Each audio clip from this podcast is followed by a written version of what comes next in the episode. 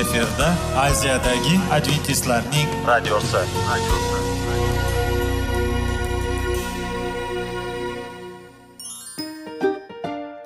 assalomu alaykum aziz radio tinglovchilar. Sog'liq daqiqasi rubrikasiga xush kelibsiz.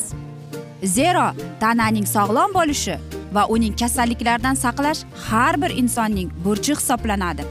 Inson uchun bebaho boylik bu sog'liq salomatlikdir. Uni asrash esa har birimizga omonat qilib berilgan. Shuning uchun ham inson o'z sog'lig'ini ehtiyot qilishi voajib amallardan hisoblanadi. Dono xalqimiz sog'liq tuman boylik deb bejiz aytmagan. Aql idroq sohibi bo'lgan inson o'z hayotini qadrlashi lozim bo'ladi. Hozirgi kunda qanchalik dori darmonlar ko'paymasin tibbiy muassa sifati shifokorlar vasiyasi tibbiy texnika yaxshilanmasin. Agar insonning o'z salomatligi haqida qayg'urmasa kutilgan natijaga erishib bo'lmaydi va biz sizlarga bizning dasturimizga xush kelibsiz deymiz.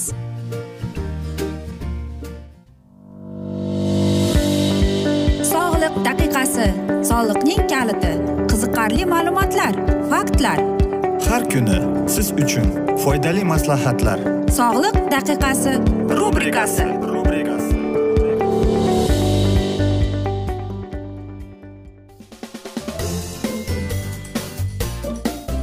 assalomu alaykum aziz radio tinglovchilar. Dasturimizga xush kelibsiz. Qanday qilib sog'lom bo'lish kerak degan dasturda xushvaqt bo'ling deb aytamiz. Va bugungi bizning dasturimizning mavzusi suv ichish tartibi deb nomlanadi. Albatta hammamiz ham eshitganmizki suvni ikki litr bir kunda suv iste'mol qilish kerak deb. Lekin qanday qilib? Uning tartibi qanday? Va qanday bizning sog'lig'imizga bizning organizmimizga u ta'sir ko'rsatadi? Umuman olib qaraganda ko'plab odamlar bizga savol beradi. Suvning o'zi foydasi bormi? Va qanday qilib? Biz ko'p ayollar eshitganki suv ichsang oziysan deb. Lekin mana shu ibora to'g'rimikin yoki shunchaki afsonami?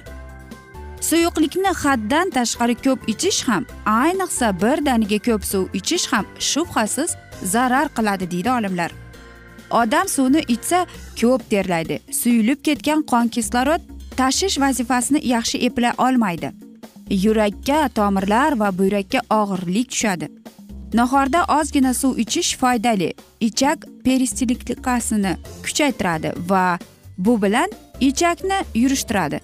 Yog'li ovqatni to'yib yegandan keyin ham sovuq suv ko'p ichish zarar qiladi. Yog'li ovqat yeganda ikki soatdan keyin choy ichish mumkin. Semirib ketgan ozishga harakat qilayotgan odamlar ovqat paytida suyuqlik ichmaganlari ma'qul deydi olimlar. Suyuqlikka aralashgan ovqat bo'tqaga o'xshab qoladi va me'dadan tezroq o'tib ketadi. Natijada odamning yana qorni ochadi. Shuni bilish kerakki qaynoq issiq ichimliklar sovug'iga qaraganda chanqoqni tezroq qondiradi. Birdaniga ko'p suyuqlik ichish yaramaydi.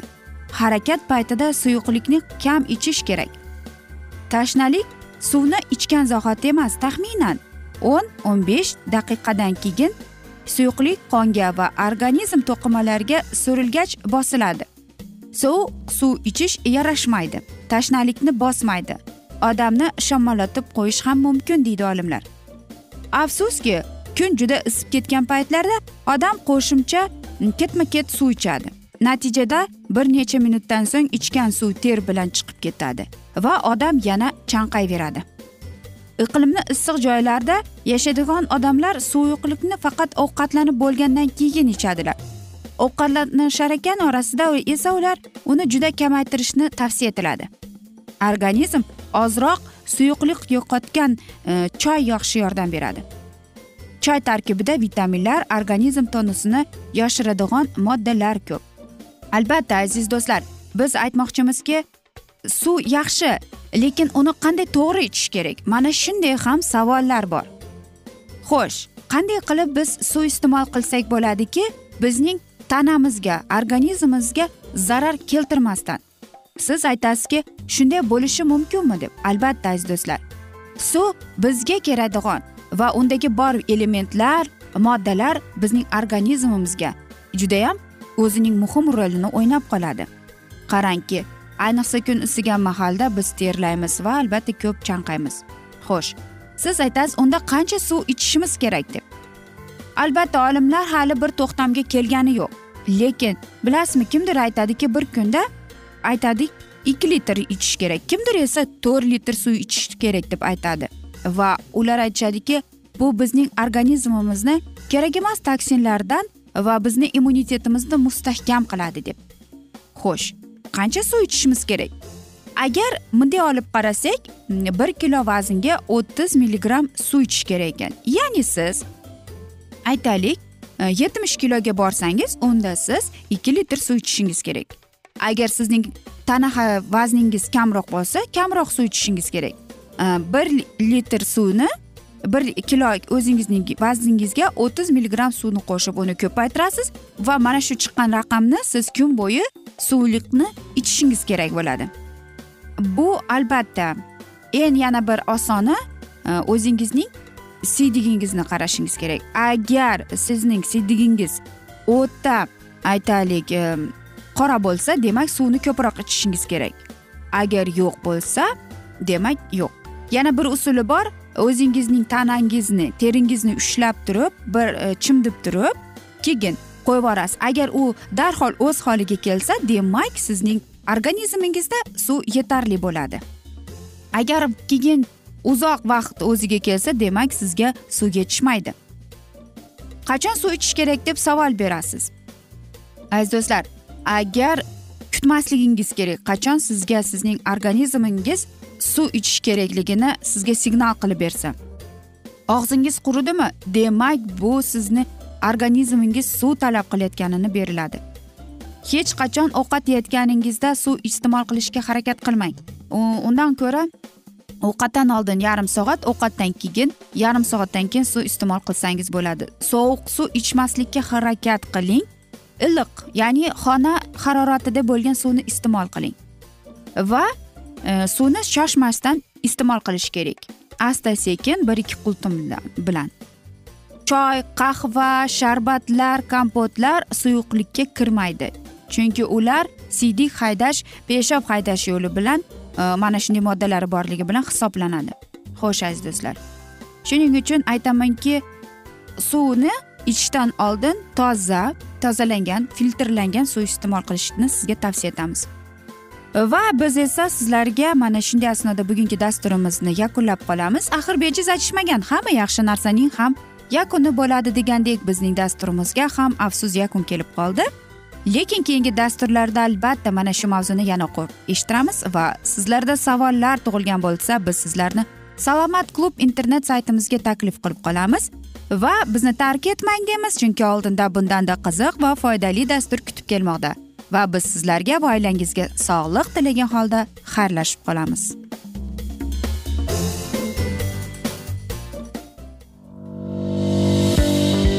Sog'liq daqiqasi soliqning kaliti qiziqarli ma'lumotlar faktlar. Har kuni siz uchun foydali maslahatlar. Sog'liq daqiqasi rubrikasi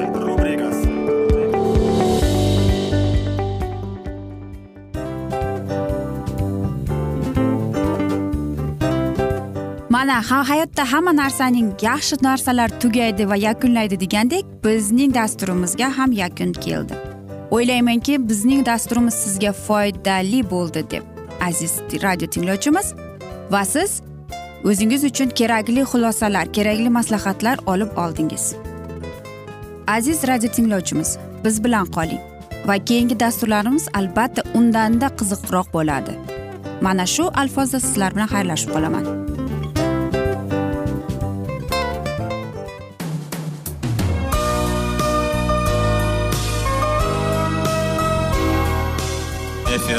Aziyadagi adventistlarning radiosi.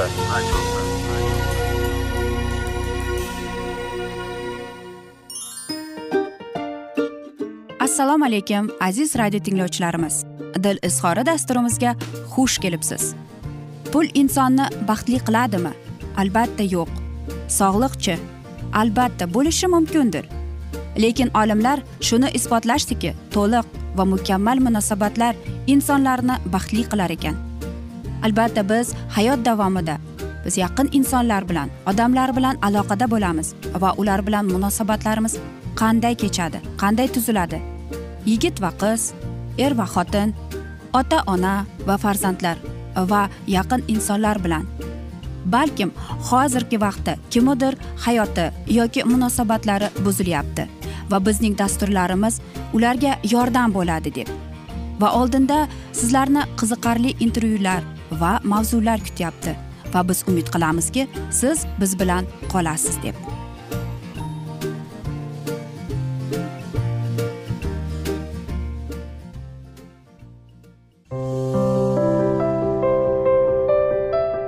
Har kuni har xil kasbdagi odamlar bilan sirlashish va bo'lishish sevgi rashq munosabat.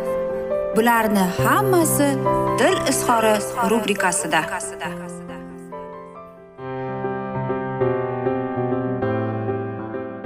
Assalomu alaykum aziz radio tinglovchilar dasturimizga xush kelibsiz. Topish va ushlab qolish degan dasturda xushvaqt bo'ling deb aytamiz va bizning bugungi dasturimizning mavzusi oilaviy munosabatlar attraksiyasi deb nomlanadi. Albatta oilaviy munosabatlar ya'ni o'rtasidagi bo'lgan sodir bo'ladigan murakkab va serkirali o'zaro munosabatlar ko'plab olimlarni tashvishga soladi o'ylantirib qo'yadi. Qarangki ko'p olimlar ayniqsa bizdagi o'zbekiston oylik e, olimlar e, shuni o'rganiladi. Ularda qarangki ko'proq o'zbek oilasiga xos urf odatlar udumlar an'analar nuqtai nazaridan oilaviy munosabatlarning etno psixologik qirralarini tadqiq etilgan. Lekin oila institutini ijtimoiy voqelik sifatida uning qonuniyatlarini tahlil etar ekanmiz. Bu o'rinda biz oilaviy o'zaro munosabatlarga xos bo'lgan munosabatlarning psixologik tabiatiga kelib chiqishi va dinamikasiga e'tiborni qaratgan ko'plab tadqiqotlarda ilgari surilgan ma'lumotlarni keltirish joiz deb bilamiz. Shu nuqtai nazardan oilaviy munosabatlar bu fenomenologiyasi ijtimoiy psixologik izlanishlar obyekti sifatida o'rganilgan bir qator tadqiqotlar natijalariga murojaat qilib ko'ramiz. Oiladagi ijtimoiy munosabatlar va ularning kelib chiqishi qonuniyatlarni batafil e, monografik tarzda o'rganilgandan biri bu rus olimi gozman hisoblanar ekan. U bu qonuniyatni ilmiy jihatdan tahlil etish uchun attraksiya tushunchasini ishlatilgan. Attraksiya inglizcha bu attraksion tortilish intilish so'zlaridan olingan bo'lib u bir insonning ikkinchi bir insonga nisbatan his qiladigan ijobiy munosabatni anglatadi. Har qanday ana shu zayldagi diadik ya'ni diada ikki kishi o'rtasidagi munosabatlarning boshlanishini ya'ni simpatiya yoqtirish yoki attraksiya bilan bog'liqdir. Gozmanning ta'kidlashicha juftlik e, munosabatlarida attraksiyaga turtki bo'luvchi omillarning eng muhimi bu sherikning tashqi jismoniy jihatdan yoqimtoyligi va uning ijtimoiy demografik xususiyatidir. Ya'ni bir ko'rishda yoqtirib qolish uning husniga rom bo'lish qabilalar bu attraksiyaning dastlabki bosqichi bo'lib bu aslida odamlar ongdagi bir bidatga ya'ni chiroyli odam aqlli va axloqli bo'lish to'g'risidagi tasavvurlarga bog'liqdir. Ayniqsa bunday tasavvur xotin qizlarga nisbatan qo'llanilishi isbotlangan. Biz aytamizki balkim deb. Qarangki olimlarning aytishicha yoqtirib qolishga turtki bo'luvchi ijtimoiy demografik xususiyatlarga eng avvalo insonning jamiyatda tutgan o'rni ijtimoiy makomi ma'lumoti darajasi kasb qori moddiy ta'minlanganligi millati diniy e'tiqodi qayerda kimlar bilan yashashi kabilalar kiradi. Ko'pincha aynan shu belgilar yoki xususiyatlar bilan yaqin bo'lgan insonlar o'zaro bir birlarini tezroq yoqib yoqtirib qoladi. Chunki o'xshash belgilar yoki ko'nglidagi sifatlarning sherigida tanishda mavjudligini unga nisbatan ijobiy fikr mulohazalarning shakllanishiga stereotiplarning yaxshi ma'noda uyg'unlanishiga zamin yaratadi. Bundan tashqari yoqtirib qolishga shaxsning qadriyatlari tizimi hayotdagi maqsadlarning mushtarakligi bajarayotgan ijtimoiy rollarning yaqinligi omadlik kabi qator jiddiy sifatlar ham turtki bo'ladi. Shuning uchun ham talabaning talabani yoqtirib qolishi tibbiyot xodimining ana shu sohada ishlaydigan odamni bir ko'rishda sevib qolishi saharda birga bo'lganlarning yoki dam olishning maskanlarida tanishib qolganlar o'rtasida romantik munosabatlarning uyg'onish ehtimoli ko'proqdir. Qarangki bir ko'rishda yoqtirib qolishning jarayonining jiddiyroq munosabatlarga aylanishi bu tushuntirish uchun olimlar uch filtr nazariyasini ilgarini aytgan ekan. Birinchi filtr bu bir insonning boshqa bir insonni bevosita o'ziga qaratish bilan bog'liq jarayon bo'lib bunda yangi tanishning tashqi jozibasi bir qarashda ko'zga tashlanadigan sifatlari. Biz aytamizki nahotki shunday deb? Qarangki ikkinchi filtrda esa agar yangi tanishlarning ijtimoiy psixologik shaxsiy xususiyatlari va hayotiy maqsadlari ham bir birlariga ma'qul kelsa uyg'un munosabatlar uchinchi filtrga ham o'tadi deydi. Har bir filtrdan o'tishda sheriklar bir birlari bilan o'zlarining yangidan yangi kirralarini ochaveradilar. Yangidan yangi topishgan bir birini yoqtirib qolgan odamlar uchun muhim bo'lgan asosiy narsa o'xshashlikni qidirish va ularni inobatga olgan holda o'z munosabatini bildirishga intilishdir. Yana bir boshqa yo'nalish bu sherigida o'ziga yetishmaydigan o'zida mavjud bo'lmaydigan sifatini topish. Uchinchi yo'llanishda e, ikkinchiga yaqin yangi yangi tanishda o'zidagi mavjud sifatlarning qarama qarshiligini izlash. Masalan yigit kam gap bo'lsa shaddod sergap qizni yoqtirib qoladi. Э, bu kabi kemtiklarni sherikligi orqali to'ldirishga intilish ularga kelajakdagi munosabatlarda anchagina egiluvchan bo'lish va har qanday biridagi yaxshi sifatlarni qadrlash o'tadi. Aziz do'stlar albatta biz aytamizki qanday bo'ladi? Qarangki psixologlarning aytishicha biz o'zimizga qarama qarshi bir insonni e, o'zimiz bilmagan holda oqtaramiz izlaymiz ekan va albatta biz topganimizda bizda mana shunday psixologlarning aytishicha uchta bosqich ya'ni uchta filtrdan o'tamiz ekan. Shuning uchun ham aziz do'stlar aytmoqchimanki seving seviling deb jufti halolingizning qadriga yeting hurmat qiling deb qolamiz. Va mana shu joyda aytishadiki hamma yaxshi narsaning ham yakuni bo'ladi degandek bizning dasturimizga ham afsus yakun kelib qoldi. Chunki vaqt birozgina chetlatilgan lekin aziz do'stlar keyingi dasturda albatta mana shu mavzuni yana o'qib eshittiramiz. Va men umid qilamanki siz bizni tark etmaysiz deb chunki oldinda bundanda qiziq va foydali dasturlar kutib kelmoqda sizlarni. Biz esa sizlarga va oilangizga tinchlik totuvlik tilab yuzingizdan tabassum hech ham ayrimasin deymiz va albatta aziz do'stlar seving seviling deb xayrlashib qolamiz. Omon qoling.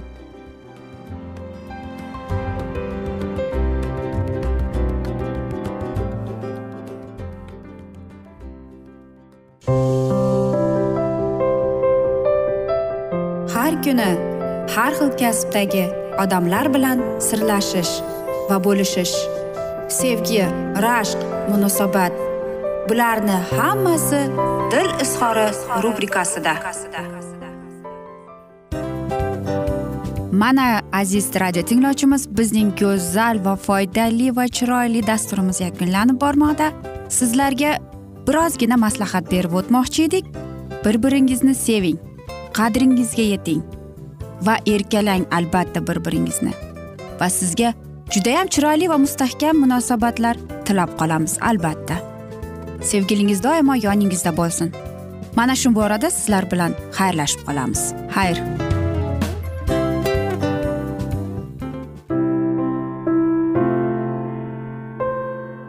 Hayotning noni. Qiziqtirgan savollar va javoblar. Buning hammasi ko'ngil uchun oziqa rubrikasida.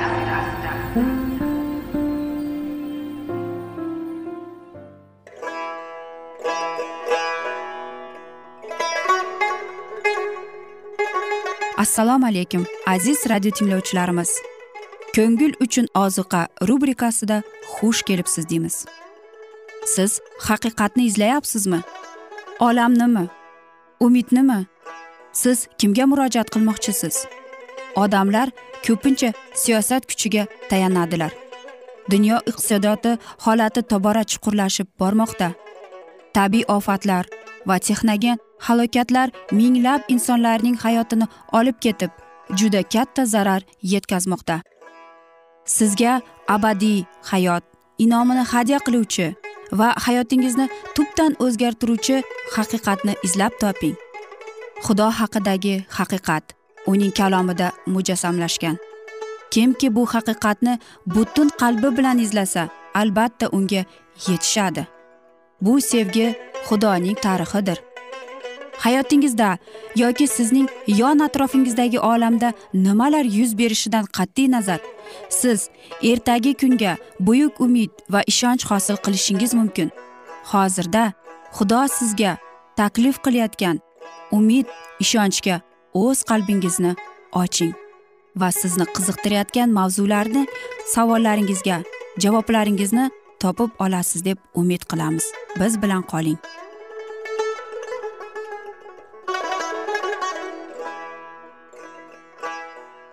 Assalomu alaykum aziz radio tinglovchilar dasturimizga xush kelibsiz. Va biz sizlar bilan ulug' otalar va payg'ambarlar degan dasturda xushvaqt bo'ling deb aytamiz. Va bugungi bizning dasturimizning mavzusi e, bobil minorasi deb ataladi. Bu ibtido kitobining to'qqizinchi bob yigirma beshinchidan yigirma yettinchi she'riga. o'n birinchi bob birinchi she'ridan to'qqizinchi oyatiga boblariga asoslangan. Xudovand karim e, ma'naviy buzliqdan to'fon suvlar orqali tozalangan yerni yanada insonlar ixtiyoriga berish uchun u tanho nuh payg'ambarning oilasini saqlab qoldirdi va unga dedi. Bu nasl orasidan mening nazarimda solih bo'lgan yolg'iz seni topdim.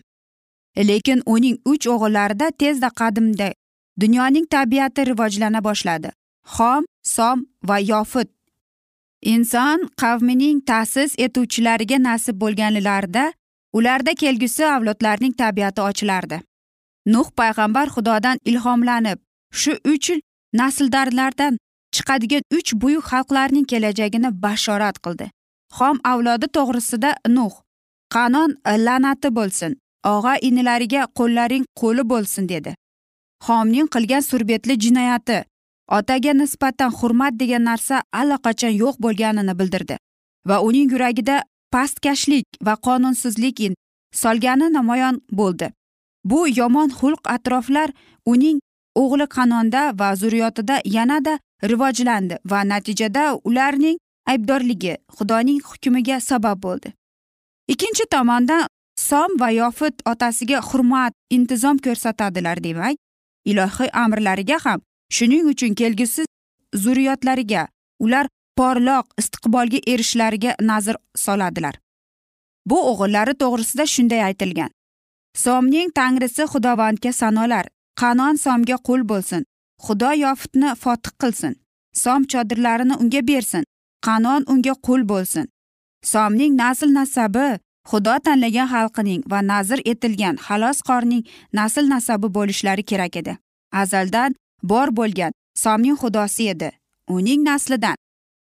Ibrohim alayhissalom va isroil xalqi e, paydo bo'lishlari belgilandi. Xalq ichidan esa iso masih chiqdi. Xudovandni rabbimiz deb bilgan xalq baxtlidir. Yofit som chodirlarida shodlansin. Yofit nasl nasabidan kelajakda xush xabardan bahramand bo'lganlar kelib chiqishlarini tayinlangan edi.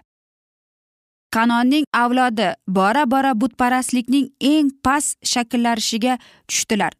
Bashorat bo'yicha ular qo'l bo'lishlari oldidan belgili bo'lsa ham davrlar mobaynida bu la'natning bajo keltirishi paysalga solar edi xudovand chidamlik bilan ularning betafliqini va buzuqligini kechirardi. Lekin uning uzoq chidamligi to'lib toshdi. Borib ular mustahkamligini yo'qotdilar. Som va yofit avlodlarining qo'llariga aylandilar. Nuh payg'ambar o'g'illarini sevardi va bashoratini aytganda ularga nisbatan qahr g'azab degan hislarga berilmagan edi. Aytilgan bashorat o'g'illarining tabiatini va ularning taqdirini belgilamadi. Agar ular o'zicha tanlab hayot sursalar va tabiatlarida salbiy xususiyatlar rivojlanishiga yo'l qo'ysalar ana shunda ota onalarning bashorati ularga tegishli bo'lib hayotlarining oqibatini ko'rsatardi. Nuh payg'ambar o'g'illarining va kelajakdagi avlodlarning tabiatiga va hayot tarziga munosib xudovand bu bashorat orqali nuh payg'ambarining yaqinlariga o'z niyatini ifodaladi. Masalan xomning jaholati va hurmatsizligi uning avlodida akslanib ko'p avlodlar ustiga la'nat tushirdi. Bir gunoh qilgan yaxshini nobud qiladi.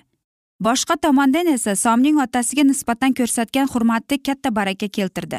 Bu avlodga qanday ajoyib taqvodorning guruhi tegishlidir xudovand sovdillar kunlarini belgilab zurriyodi muborak bo'lur. Demak bilgin xudovand sening parvardigoring sadoqatli xudodir. Uni sevganlarga va amrlariga rioya qilganlariga. U ham o'z ahdini va iltifotini avloddan avlodga o'tib mangu saqlaydi. Belgili vaqtgacha nuh payg'ambarning zurriyoti kema to'xtagan joyda tog'lar ichida yashaydilar. Lekin tezda oralarida qonun buzuvchilar paydo bo'lib ko'paygan xalqni bo'linishiga olib keldilar. Ijodkorning qonunidan chiqishni talab qilganlarni birodarlarning xudojo'y hayoti doimo g'azablantirib rashqlarini qo'zg'otardi bergan nasihatga quloq solmasdi. Ular biroz vaqt o'tgandan keyin ilohiy farzandlaridan ajrashish qaroriga keldilar. Va frot daryoning sohasida joylashgan bobil mamlakatining bir tekisligiga yo'l oldilar. Bu joylarning ko'rkamligi va yerning mahsulodorligi ularni qiziqtirdi va shu uvaydada ular istiqomat qilmoqchi bo'ldilar. O'rnashgan yerda ular shahar va minora qurishga niyatlandilar. Minora shunchalik katta bo'lsinki dunyoning ajoyibotlaridan bo'lsin edi. Xudovand nuh payg'ambar bilan ahd tuzganida shunday dedi. Sen sizlar barakali bo'linglar ko'payinglar va yer yuzida tarqalib yashanglar deb. Lekin bobil minorasining quruvchilari kelajakda butun yerni o'zlariga qaratib qo'yish uchun monarxiya idora usulini tuzishga intildilar. Uning yordami bilan xalqlarni yer yuziga tarqalishdan to'smoqchi bo'ldilar. Mana shunday bizga bo'lgan ajoyib vazdir aziz do'stlar. Biz esa mana shunday asnoda bugungi dasturimizni yakunlab qolamiz lekin keyingi dasturlarda albatta mana shu mavzuni yana o'qib eshittiramiz. Va agar sizlarda savollar tug'ilgan bo'lsa biz sizlarni adventis tochka ru internet saytimizga taklif qilib qolamiz. Umid qilamizki bizni tark etmaysiz deb chunki oldinda bundanda qiziq va foydali dasturlar kutib kelmoqda sizlarni deymiz. Va albatta biz sizlarga va oilangizga tinchlik totuvlik tilab xayrlashib qolamiz.